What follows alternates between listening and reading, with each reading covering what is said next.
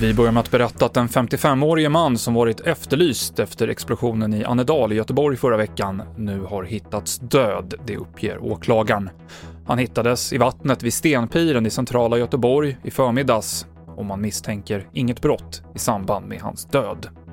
Folkhälsomyndigheten pausar vaccinationer med Modernas vaccin för personer födda 1991 eller senare.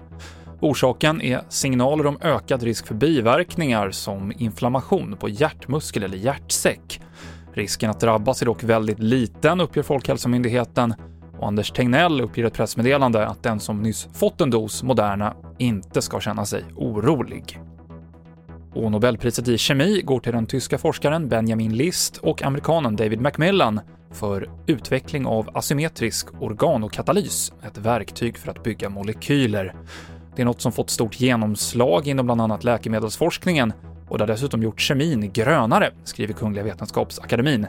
Och det är eftersom man inte behöver använda metaller för att bygga molekyler med den här metoden. Senaste nytt i appen TV4 Nyheterna. Jag heter Mikael Klintevall.